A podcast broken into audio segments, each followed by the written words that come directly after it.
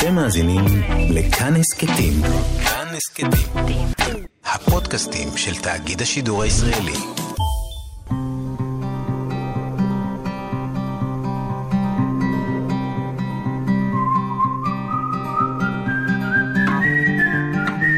אחת פלוס חמש. אורחים וספרים עם ענת שרון בלייס. בשירה אנחנו משתמשים בשפה באופן uh, שהוא עינוי, כאילו, שלא לכך היא נועדה, כדי להגיד דברים שאי אפשר להגיד אותם. זה ההבדל של שירה מאומנויות מילה אחרות. כל סוגה אחרת היא יפה כדי להגיד דברים שאנחנו מתכוונים להם במובן שהשפה רוצה, כאילו במובן ש... של הפשט. שירה זה תמיד אחרת. זה מה שהופך שיר לשיר, שהוא אומר יותר ממה שהמילים שלו אומרות, או שהוא אומר דברים אחרים ממה שהמילים שלו, מפירושן של המילים בו. זה אף פעם לא כוונת המילים. זה אף פעם לא הפשר המילוני שלהם. מאזינות ומאזיני כאן תרבות, שלום לכם, אורח אחד באולפן, עם חמשת הספרים שהוא הכי הכי אוהב. והיום נמצא איתי המשורר והמוזיקאי דניאל עוז, ברוך הבא. היי ענת. פרסמת חמישה ספרים, ועכשיו ספר שירה חדש, הספר השישי שלך, ושמו קרנונית. נכון. שראה אור במקום לשירה. זה כל מיני מיקרו-אורגניזמים כאלה כן. שאנחנו רואים רק במיקרוסקופ. זה משהו קטנטן, אמ, הקרנונית הזאת. זה כן. סוג של אה, פלנקטון. והשיר הזה בעצם אה, זאת אומרת, הוא, הוא אומר משהו על uh, האי הסיבולת שלנו להבדלים, והנטייה שלנו לכעוס על, uh, על שוני uh, בין פרטים שונים ובין קבוצות שונות, ולקרוא את השיר? כן, בבקשה. צורות חיים. הפרוטיסטים, האמבות, כה הרבה צורות חיים, כה פשוטות, ולמרות זאת, שונות זו מזו עד להכעיס. מי היא הצודקת בתבנית הממברנה, בעברוניה הקטנים? הסנדלית החובטת בריסוניה? העינן המצליף בשוטון? האם יש להוקיע את הקרנונית? למה הספר נקרא קרנונית? אני אגלה שזה השיר האחרון שנכנס לספר, צורות חיים, והוא גם נתן לו את, אה, את שמו. הספר הזה, אני חושב שגם השירים בו מאוד שונים זה מזה.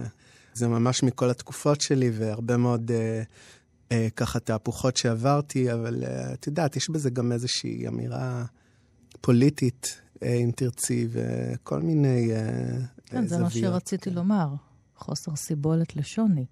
אז כן, העולם הזה, הקטנטן, אה, יש בו איזושהי השראה בשבילי. הסמוי מן העין. כן. זה גם משל, יש בו איזשהו משל, אני חושבת, על. ההיבריס שלנו אולי. כן. שאנחנו חושבים שאנחנו רואים הכל, אבל אנחנו לא רואים הכל. כן, זה גם הראייה הזאת מלמעלה, אה, בין היתר, אה, מהגדול לקטן, אה, שאנחנו... זאת אומרת, אני, זה קצת, יש פה מחשבה של מה, מה יגיד מי שמסתכל עלינו אה, מלמעלה ומגדול כן. יותר, אה, ואיך אנחנו נראה לו. אז אתה גם קרנונית, אולי, בשביל מישהו אחר. כן. אז אני חוזרת לשיר שפותח את הספר שלך, הפירות האפילים. אוי, לפירות האפילים, האוחזים עוד בענף. שעת דמדומים ארגמנית מקדימה להשתרר. על הארץ מבאיש המון פרי שהבשיל זה מכבר, ולא נאכל. רק הזבוב צולח את הצחנה. אוי למתבוששים, אוי לפירות האפילים, לאוחזים עוד בענף. אני מיד רוצה לקרוא הפירות האפלים. כן. אפלים זה שיבוש מכוון שלך? יש מושג כזה, זה הפירות שהם מבשילים הכי מאוחר, או שהם נשארים, אה, נשארים הכי, אה, הכי הרבה זמן על העץ. הספר הגיע אליי וכתבתי לך, דניאל, יש פה שירה, סוף סוף. זה בדיוק העניין. כשאני קוראת את השיר, לא בטוח שאני מבינה אותו, ויכול להיות שגם בעוד כמה שבועות וחודשים אני לא אבין אותו.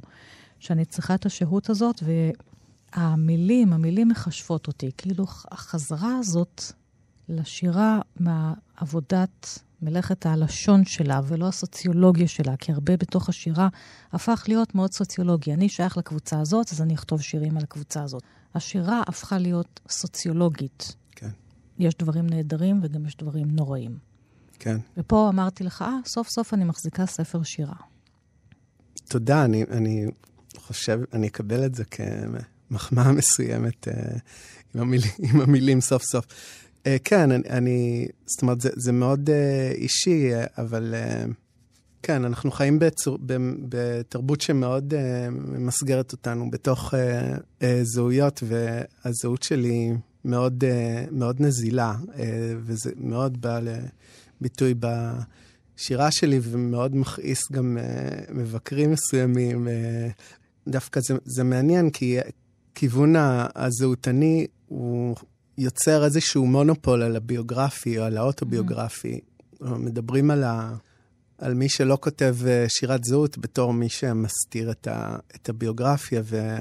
או בתור מי שהוא לא קשוב פוליטית. נכון. לא אכפת לו, ומה אתה מתעסק נכון. אה, עם הלשון, מה אתה מנותק מהמציאות. כן. אמ, דווקא אני חושב שיש לי כאן אה, התמודדות רבה, גם עם האוטוביוגרפי וגם עם ה... פוליטי. זה כן. ספר שמשלב ממש בין הדברים האלה, אבל המחשבה שלו היא לא מחשבה סוציולוגית, כמו שאת אומרת. זאת אומרת, צריך להשתהות כדי להבין שהשיר מדבר על עוד דברים. כן. אבל דיברנו על uh, צחנה ורקב וזבובים, יש לך עוד שיר, ששמו דם הרימון. דם הרימון. גרעין אחר גרעין נלקט מפלח הרימון. וניתן לדם הרימון להתפרס כמו מפת שולחן, והסכין כבר נפל בחשאי על הדשא. הילדים נשלחים לשחק במחבואים בשם האפשרות לדבר. הם מקיפים את הכרמים בריצה, מסתכלים מאחורי כל עץ בחורשה, ואינם מוצאים מחבוא. גרעיני הרימון בלתי נדלים, ובלתי נדלים ענבי כל אשכול בגפנים, וימים כאלה פושים בזיכרון כמו תאים סרטניים, סמדר נתסס ונרקב בנחיריים, מלכודות זבובים מתמלאות והולכות בזמזום מתגבר. השמש דום, והצרצרים דרוכים לשווא לקראת משמרתם. זהו קיץ שנזרק על הילדות כמו יריעת ברזנט. זהו קיץ שכיסה את הילדות כמו מטפחת ספוגה כלורופורם. ברור שיש פה ענייני ילדות, ויש פה טבע. גדלת במדבר, בערד, אולי קיבוץ חולדה ברקע, אמ, אבל בסוף, אחרי כל התסיסה הזאת, כלורופורם, חומר מרדים. כן, היו ש... שדיברו על השירים האלה כשירי אימה, ויש כן. בזה משהו. אה, גם החלק אה, הראשון של הספר, ואולי בצורה מרומזת יותר, גם ההמשך שלו, אה, מאוד מהדהדים את הנושא של הילדות ולידה, ותפקיד שהזמן משחק בחיים. ולמה אתה נדרש פה לכל כך הרבה פירות? Uh, תראי, הפרי זה איזשהו סמל של משהו שהזמן מאוד uh, משפיע עליו. זאת אומרת, זה, זה משהו שאת רואה את הבוסריות וההבשלה, והפרי נחנט בעצם, ואז uh, יש לו זמן מאוד קצר uh, להאכל, או לפני, ש... לפני שהוא מרכיב. אה, אז זה סמל שהוא מאוד חזק אה, בשבילי, גם היופי שבו וגם הריקבון וגם הקשר אה, שלו למושגים של, של פוריות, של הבשלה, שחלים גם על, ה, על החיים של האדם באיזושהי רמה. אתה אומר שהשירים פה הם אסופה מכל מיני שנים, שיש פה גם שירים מוקדמים מאוד, וגם כן. שירים שכתבת בשנה, שנתיים, שלוש נכון. האחרונות. נכון. יצא לך לפני שנה פלוס ספר אוסף צדפים. ספר שבו כתבת על הילדות שלך, ושהוא היה ספר תשובה לאחותך גליה, שכתבה את דבר מתחפש לאהבה, וכתבה דברים מאוד מאוד קשים. כן. על אביך, הסופר עמוס עוז. והפכה את עולמך, והרגשת שאתה צריך... אה, להעמיד דברים על תיקונם, להעמיד דברים כן. על תיקונם. דיברת בתקשורת, כן. אבל היה חשוב לך לעשות ספר. כן. היה הרבה לכתוב. זאת, ה, זאת הסיבה. אה, זה לא ספר שאני רואה בו יצירה. אה, זה ספר שהוא מחוץ ל, לעולם היצירה שלי. מחוץ מכל, לגדר. מכל הבחינות, כן. פשוט דברים שהיו צריכים, אה, שהיו צריכים להיאמר, תשובות. ובאותה זמן אתה גם כותב חלק מן השירים שפה? כן, לאט. לאט. לאט מאוד uh, בשנים האלה האחרונות. בכלל אני כותב לאט. ש... בעיקר את השירה, זה מה שנראה לי פעם uh, נכון וראוי להיכתב, אז היום כבר לא נראה לי. היום אני לא יכול כאילו לכתוב מחדש uh, אפילו באותו סגנון או ליד דברים שכתבתי פעם. אז התנועה המתמדת הזאת, uh, היא גם uh, יוצרת קושי לשמור על קצב כתיבה. זה נכון. גם התפתחותית.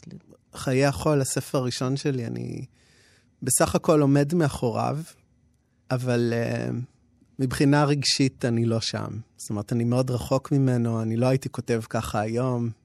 Uh, זה רק כאילו, את יודעת, אינטלקטואלית אני עומד מאחוריו. טוב, אני חושבת שזה גם לטובה, שאתה כל מיני דניאלים, שהספרים כן. הם כל מיני דניאלים. אז אמרנו עבר, אני אדלג איתך פה לסוף הספר, לשני שירים סמוכים. יש אחד שמו אחרי הים. אחרי הים. כמו רס"ר אני מסדר את הספרים. כמה טלטלתי אותם. הנחתי להם ליפול ולהיחבט, להתכמת ולאגור אבק. לא הזיז לי, להפך, שילמתי לשלחם אחרי הים וחזרה, שיסבול הנייר.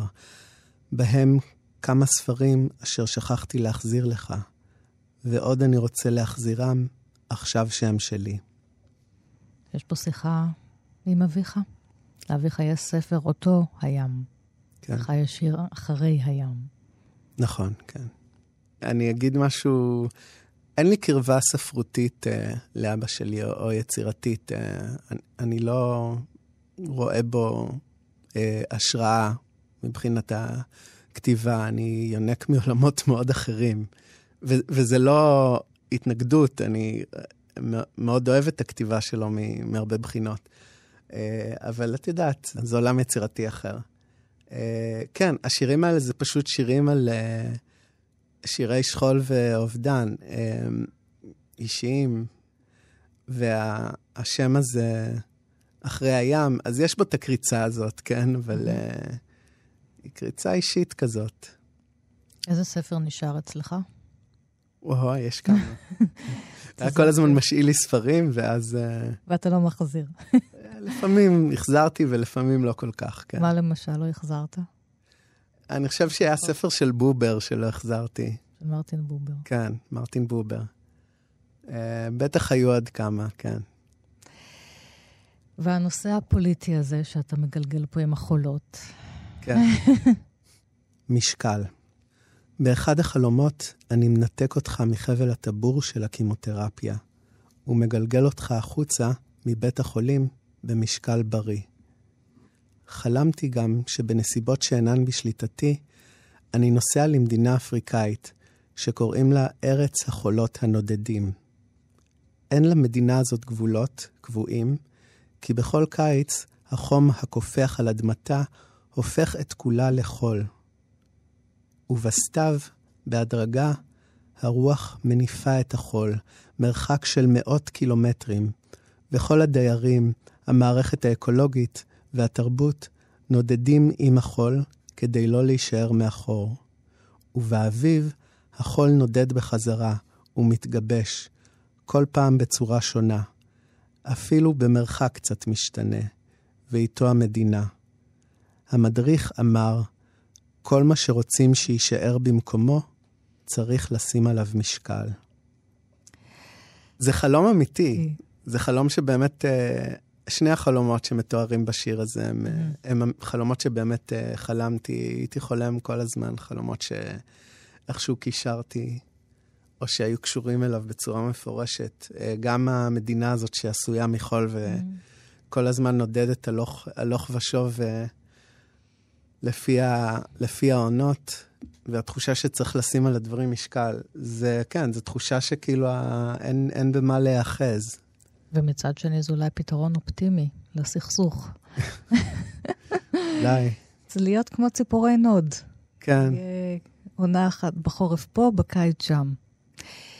דניאל, אתה ייסדת עם עוד אנשים את הוצאת ברחש, הוצאת ספרים. למה אתה צריך הוצאת ספרים? אה, ברחש היא הוצאה, כן, תראי, היא עושה משהו שממלאת חסר מסוים, אני חושב כמו כל ההוצאות, אה, בעיקר הקטנות. אנחנו פשוט מציעים דברים שאנחנו אוהבים ונופלים בין הכיסאות אה, במקומות אחרים, כמו שירה קונספטואלית ופחות לירית, שירת שפה, וגם, אנחנו מוצאים גם קומיקס, הרבה. כן. ולמה ברחש? זה הדבר המעצבן הזה שכולנו נכון. רוצים למעוך. נכון, כי את יודעת, יש משהו, ש... יש משהו בלעצבן, יש משהו נחוץ בזה. אתה אוהב לעצבן? לא, אבל אני מעצבן בלי לאהוב את זה. אני אוהב uh, לתת קונטרה הרבה פעמים. תראי, אנחנו קצת קול- קולקטיב, כי המשוררים והאומנים uh, גם מאיישים את השולחנות שלנו בכל מקום, וזה, אז זה עבודה משותפת במידה רבה. אז כן, זה פשוט הרצאה שאנחנו עושים את זה ממש מאהבה. היה לך לפני כמה שנים, ב-2015, ספר גם מאוד מעניין. מדוע לא תראוני בדרכים, אור בהוצאת כתר, ויש בו מין סיפורונים קטנים, משלים כאלה. כן. עם אולי איזה ארום של שירה. אז אני אשמח אם תקרא כמובן את החלום החתול. חלום החתול. בחלום החתול, עדרת הדג האכול קרמה מחדש בשר וקשקש, וזימי הדג נפערו בנפוח בהם רוח חיים. זקף היצור סנפיר ושחה במהרה במעלה הנחל. עד הגיעו למרגלות ההר, היה הדג שמן ועייף, ונסחף בעצלות אל הגדה. שם, על אבנים חלוקות, קפחה השמש, וקרניה חדרו את העפעף הסגור. שפמפמי החתול התאוו בשנתו, כי האור היה עז מנשוא. אט-אט ניתן הדג בריקבון. שוב ריקבון. כן, זה נושאים שמעסיקים אותי. למה ריקבון מעסיק אותך? Uh, אני חי כל הזמן עם התחושה הזאת של הזמן החולף ושל הדעיכה, חוסר המס, זה, זה עוד מהספר הראשון שלי, את תמצאי תמטיקה כזאת. Mm-hmm. כי אני מסתכל על העולם ואני רואה אותה, את יודעת, את הזרם, אה, שטף כזה מהיר, ואני כזה קצת לאט על, ה, על הגדה כזה, על הגדה של השטף הזה. אה, אני לא יודע אם אני הדג או החתול בסיפור הזה, אבל חתול שחולם את הדג הזה. חתולים מופיעים בכל הספרים שלי. יש לך גם, אה, מופיעים גם בבית, פיזית. יש שלושה חתולים, וזה חלק אה, מאוד אה, מרכזי בחיים שלי, כן.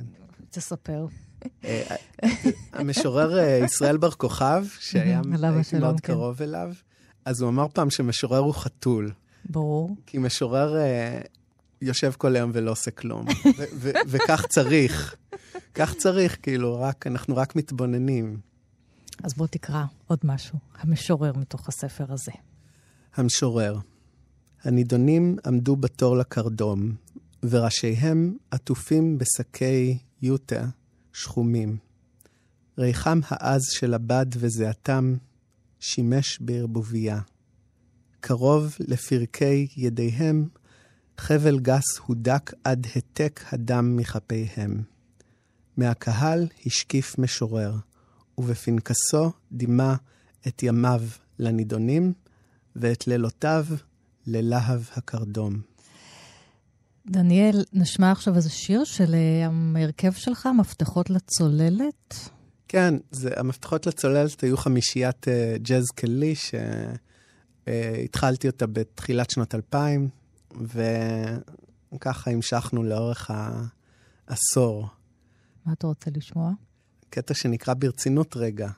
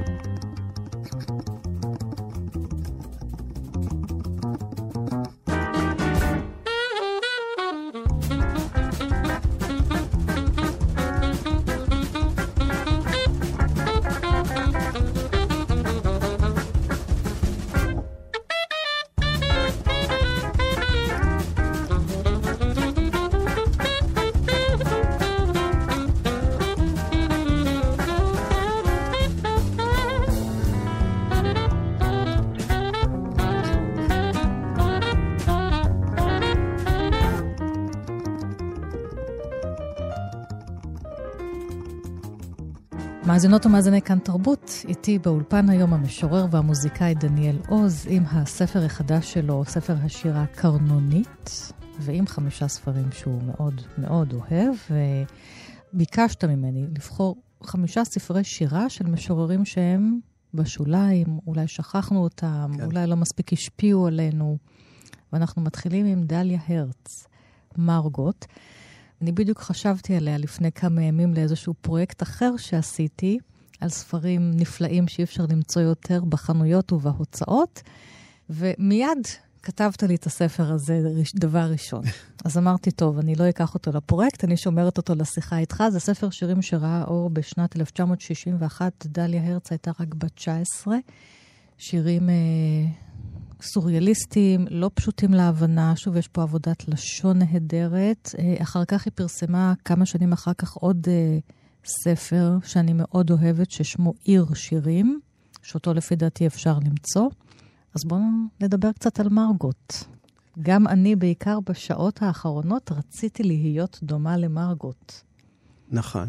על כן קבעתי איתה בקפה. כך היא כותבת, דליה הרץ. כן, מרגוט. גם אני, בעיקר בשעות האחרונות, רציתי להיות דומה למרגות. על כן, קבעתי איתה בקפה. איחרתי. מרגות איחרה אחריי, בעשר דקות תמימות. העניין הוא בזה שאני רוצה להיות בערך כמוך, גם אם קשה לי. שלחו אותי אלייך, מרגות. נאמר לי במפורש שתוכלי לעזור לי, אלא שספק אם יש לך איזה עניין בזה. אוכל לחכות. המים שטפו תחת לרצפה. קיץ של גבינה חפן את בושותיו. אשתדל, כן, מרגות מבקשת את סליחתי. עליה רק לרגע לסור אל בית השימוש. אמש תלתה לייבוש את קשקשי האור, את רקמת השלג. מעט מאוד חשק נשאר לה להשאירו לי. במה זה תלוי? אני שואלת. מרגות חוזרת. אני עוזרת בידה. היא משתעלת. אחזור על דבריי. יש בי רצון להידמות, מרגות. יש בי רצון מאוזן כל כך, מצוין ובלא מגרעות. מה עליי לעשות בכיוון זה? אנשים זוכרים אותי כפי שהייתי. קברתי מתחת לביתי גרזן. אמי בהולה ואבי מזדקן. מרגות מבקשת את סליחתי. ליבה הומה עליה. עליה לטלפן אל בעליה. אוכל לחכות, מרגות. קודם כל, צריך לומר, יש בידך ספר. כן. מה שלי יש בבית, זה פשוט צילמתי בספרייה את הספר לפני מיליון שנה, ועשיתי ממנו כאילו ספר, אבל לך יש את הספר. נכון. אני קיבלתי אותו מגבריאל מוקד כן. uh, בשעתו. כן, זה ספר uh, שלצערי הרב הוא נדיר, uh, ואני אגיד ש...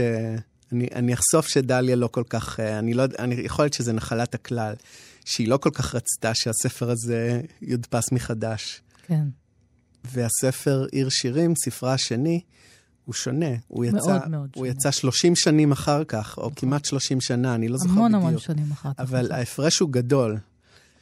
אצל הרץ יש אה, אלמנט דדאיסטי מהמם. שנכנס אה, לתוך המציאות. אה, שנית, הם מאוד נפשיים. היא משתמשת בשפה שהיא מאוד אה, פנטסטית באמת, ומאוד מלאה סמלים, אבל דיברו על, אה, על פרויד אה, ועל הסמלים של, שבחלום, אה, והשירה השתמשה בדימויים כדי להיכנס לתוך עולם הנפש ולתאר את אה, אה, הלכי אה, הנפש. אצל הרץ זה לא ככה.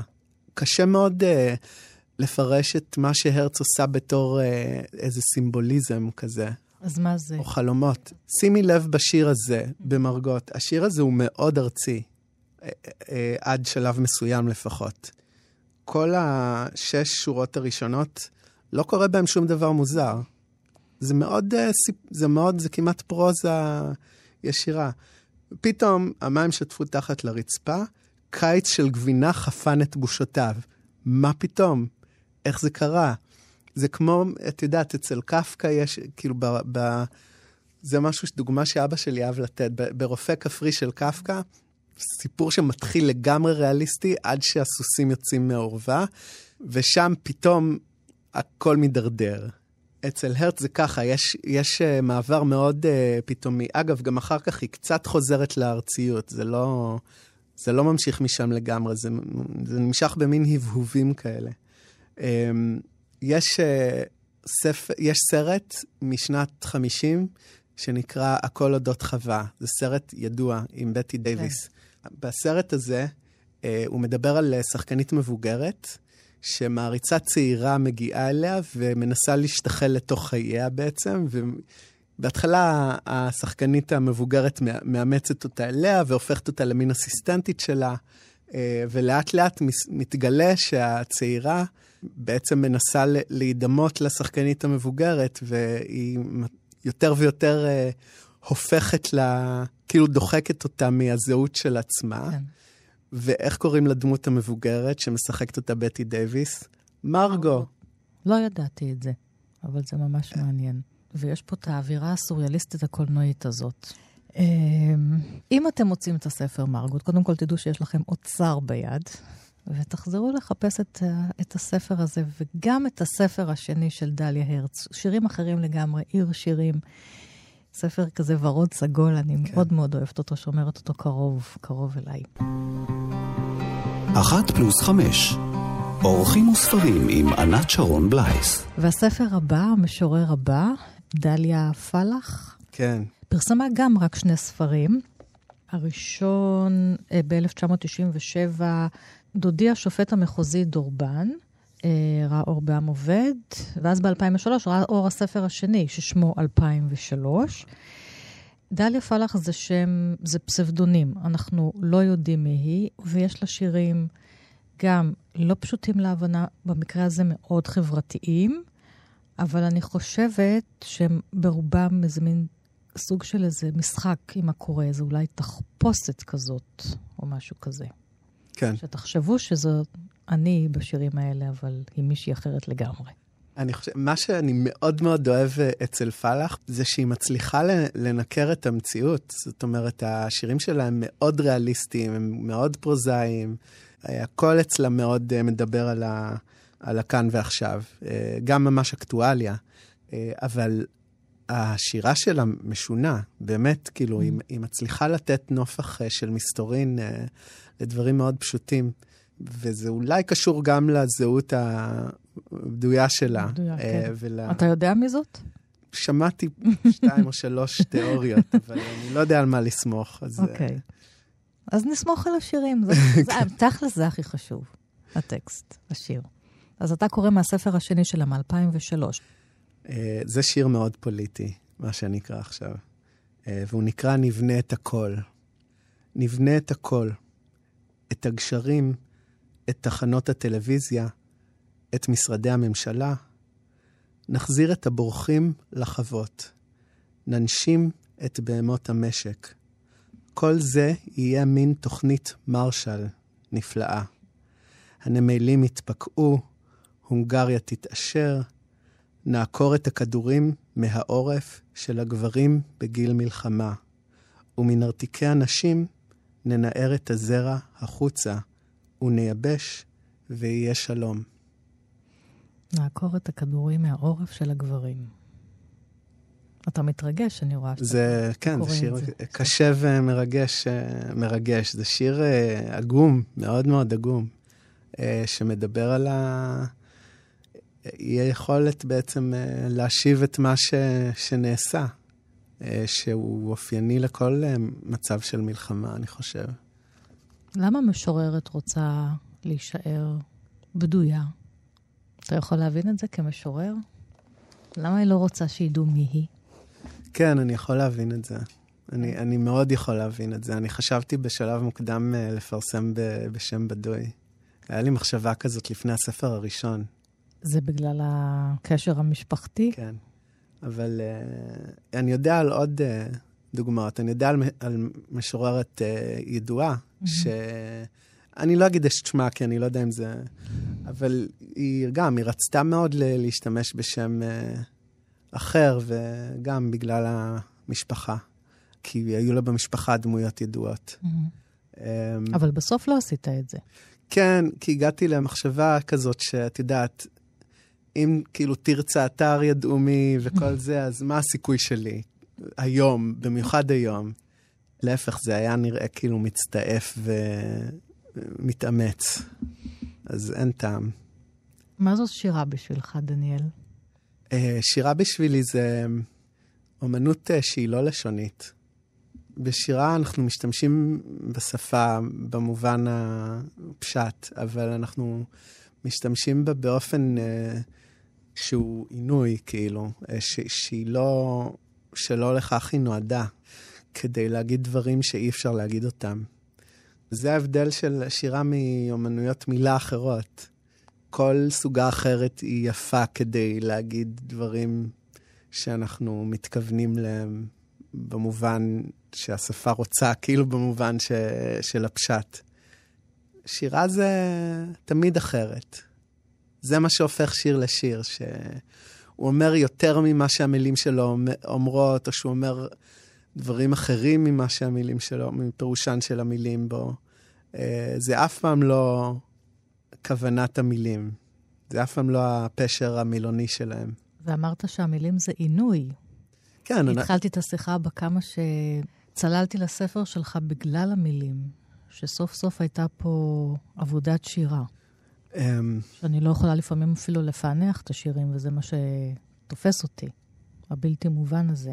פענוח אה, הוא לפעמים אה, רצוי, ולא תמיד. אה, לא תמיד אה, מה שאנחנו כאילו קולטים אה, מהעולם לא תמיד עובר דרך הקוגניציה, לפעמים הוא עובר דרך החושים והיצרים וכל מיני יכולות אחרות שלנו. אתה אמרת, השתמשת במילה מאוד גדולה, עינוי. כן, לא, אז התכוונתי שאנחנו כמשוררות, אנחנו מענות את השפה בעצם. והיא גם אולי מענה זה בעין. בטוח. אבל זה דווקא, אני חושב אבל אתה גם נהנה, או רק מת... אני חושב שזה נכון לכל האומנויות. אה, גם המ- המכחול מענה את הצ- את הציירת, כן. כאילו, זה לא- זה לא מיוחד לנו. אבל זה מיוחד לנו שאנחנו מענות את השפה, כן.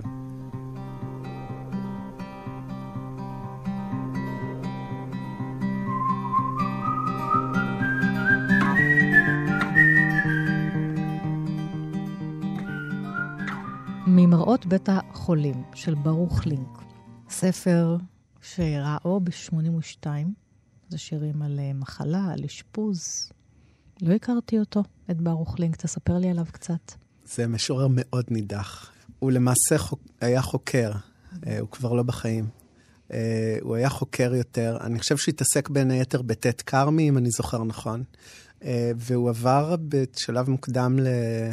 לארצות הברית, ו... זאת ולימד אומרת, הוא שם. נולד בארץ? הוא יליד? הארץ, שפעל בארץ, ובשלב מסוים עבר לארצות הברית, ונעלמו עקבותיו, מבחינת, מבחינתנו. כן. אה, והספר הדק הזה הוא ספר נפלא, הוא ספר פשוט שהוא באיזו הוצאה הוא ראה אור? ראה אור בהוצאת א'. זה ספר ממש דקיק דקיק. זה ספר דקיק, אה, שהשירים בו מתעסקים לא רק ב, ממראות בין בית החולים, זה השם של המחזור, גם של הספר ושל המחזור העיקרי. הוא לא רק מתעסק בחוויית האשפוז לצורך טיפול, אה, אני, אני חושב שזה היה ניתוח אה, שהוא עבר, אלא דרך החוויה הזאת הוא מדבר ממש דיבור קיומי על החיים והמוות ועל חרדה קשה מאוד מפני המוות. והשירים האלה ממש, אה, הם יפים עד כאב בעיניי. אז בוא תקרא קצת. אני אקרא שוב, אני אקרא את כן. הראשון, באמת. אבל זה, פה הייתה בחירה מאוד קשה אה, מה לקרוא. הייתה בי מחלה, ידעתי. הייתה בי מחלה, ידעתי, כששתן שושנים מגופי הכואב. תן לבשרי מרגוע, תן לבשרי תקווה. לא הייתה תשובה, ובשמיים שמעל לראשי נשקפים פניי שקטים. הייתה בי מחלה, ידעתי, וגופי המיוסר עקוד לגופך. תן לי את השקט המתוק והארוך, התפללתי. תן לי לעבור בין השושנים, ולדעת את השושנים, ולמות ולחיות בך.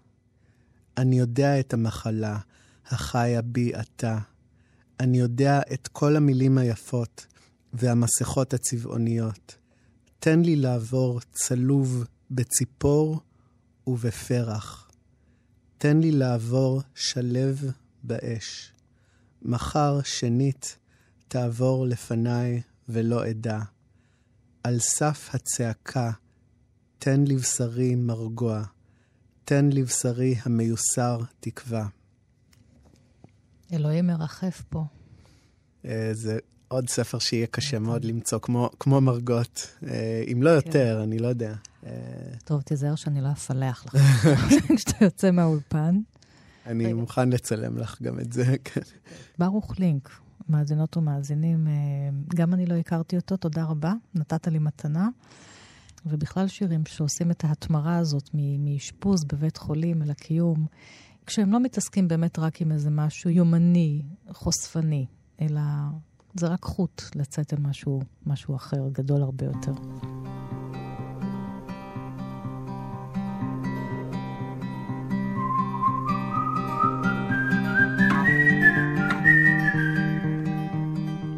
הספר הבא, שלמה זמיר.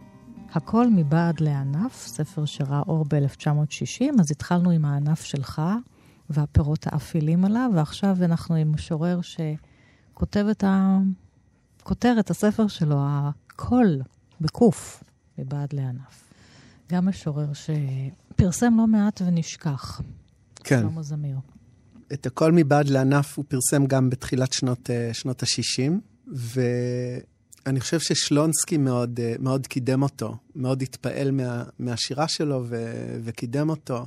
אה, והוא גם היה רב השפעה בין המשוררים, גם אם הציבור לא, לא הכיר אותו כל כך, הוא היה רב השפעה. ושוב, כמו הרץ, היה לו שתיקה מאוד ארוכה של הרבה מאוד שנים, ורוב השירה שלו, את החלק הארי, פורסמה אה, הרבה יותר מאוחר, mm-hmm. ממש אחרי, כאילו בשנות האלפיים, אלפיים וממש בזקוניו. אני אקרא שיר מה, באמת מהספר, ה, מהספר הראשון, וזה נקרא שיר סכיזופרני. בלכתי ברחוב לא יכולתי לפתע להבדיל עצמי מאחרים. הקרסן הפוסע חיש ומקפל עיתון, שמא הוא אני? הילדה המנגנת במפוחית פה בחלון, שמא היא אני? על סף דלת ישבתי, וכף ידי על סנטרי, והמתנתי עד שכל עוברי האורח יחלפו, כדי שאלקוט עצמי ואלך. למה אתה אוהב אותו? אתה יודע מה לפני זה, איפה פגשת אותו, את הספר? מי הראה לך את הספר? זמיר, תקשיבי, אם, לא, אם הוא לא היה במקום של כבוד בספרייה של אבא שלי, mm-hmm. אז הייתי נתקל בו אה, במקומות אחרים, כי הוא אהוב מאוד על לא מעט אה, משוררים, אה, לא מהדור הצעיר, אבל אה, זה ממש ככה יודעי חן זה הסוד של ה... סוד, של, סוד שמור מאוד של משוררות ומשוררים. ולמה אתה אוהב אותו? תראי, זה משורר ענק, אני חושב שהוא מגדולי, כן. ממש מגדולי המשוררים שלנו, הוא לא נופל מה, ממש מהטופ של הטופ. למה אנחנו לא מכירים אותו? זה כואב להודות בזה, אבל הוא היה משורר אה, אה, עיראקי בשנות ה-60, כשהוא התחיל את אה, דרכו, והוא לא היה מקורב לצלחת. אה, זו הייתה תקופה שהוא לא הכיר את מי שצריך להכיר, ובתוך הברנז'ה, באמת עם כמה יוצאים מה, מהכלל, מבין הממש מבין המשוררים, כמו שלונסקי וזך גם אה, הכיר ואהב אותו, אבל אה, לא עשו ממנו... זה סיבה אחת. סיבה אחרת הוא שהוא עצמו היה, היה איש נכבה אל הכלים שלא רצה להתראיין. יש מעט מאוד uh, ראיונות איתו מבחירה שלו. Mm-hmm. הוא גם הפסיק לכתוב, הוא גם לא השחיל את עצמו, הוא לא קידם את עצמו. והסיבה השלישית, יש גם סיבה רביעית. הסיבה השלישית היא ש... אתה רומז כבר על המשורר הבא. כן. היא שהכתיבה שלו מאוד מאוד uh, שונה ו- וחריגה.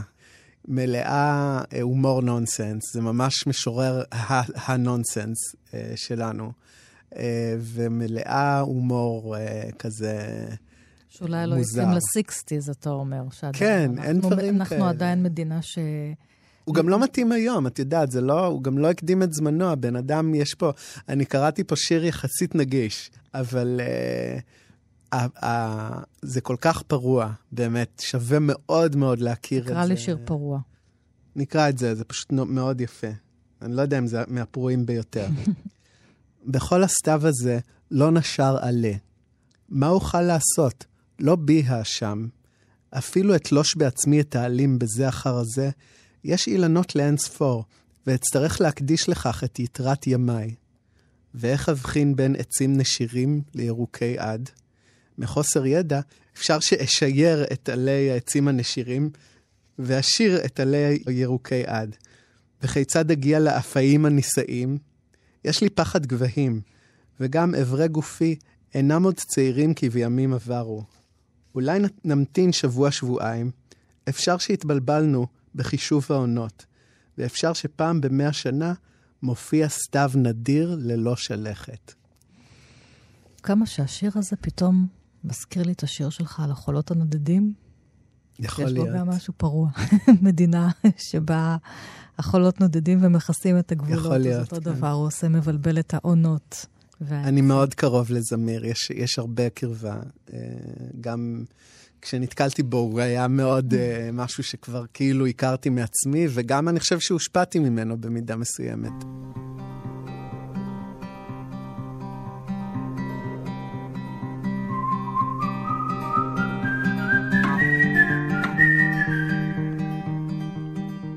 ואנחנו נחתום עם הספר החמישי, האצבע, ספרו הראשון של המשורר חזי לסקלי, שהוא אגב, אה, כן, לצורך העניין תפס אה, מקום של אה, כבוד בתוך השירה, וגם אחרי מותו בגיל נכון. צעיר ממחלת האיידס.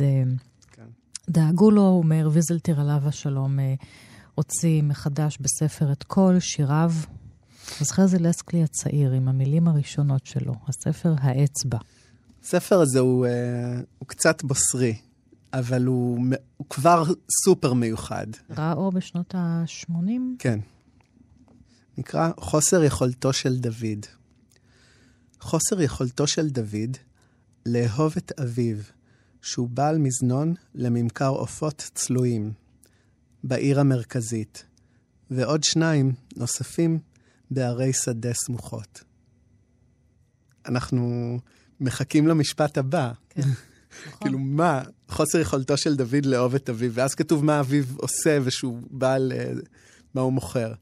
אבל אנחנו לא מבינים מה, כן. אז מה אמרת על חוסר יכולתו של, אה, של דוד? למה הוא, הוא לא יכול לאהוב, לא- לאהוב את אביו?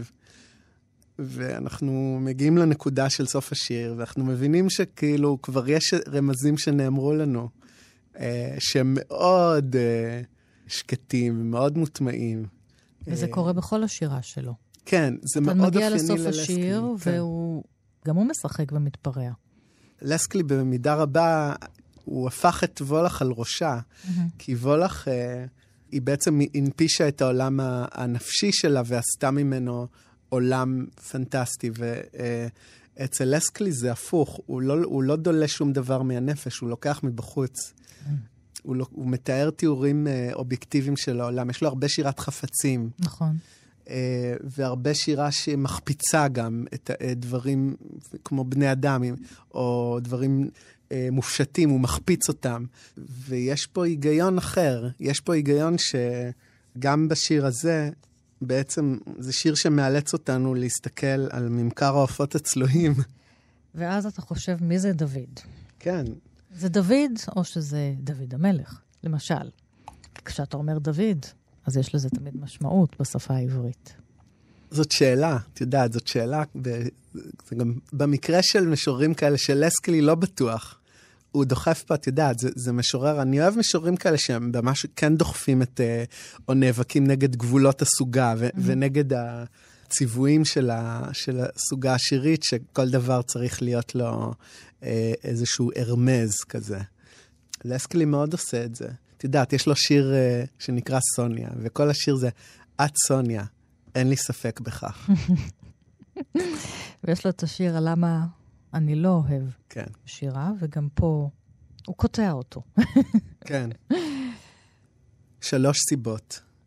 אני שונא שירה, ויש לכך שלוש סיבות.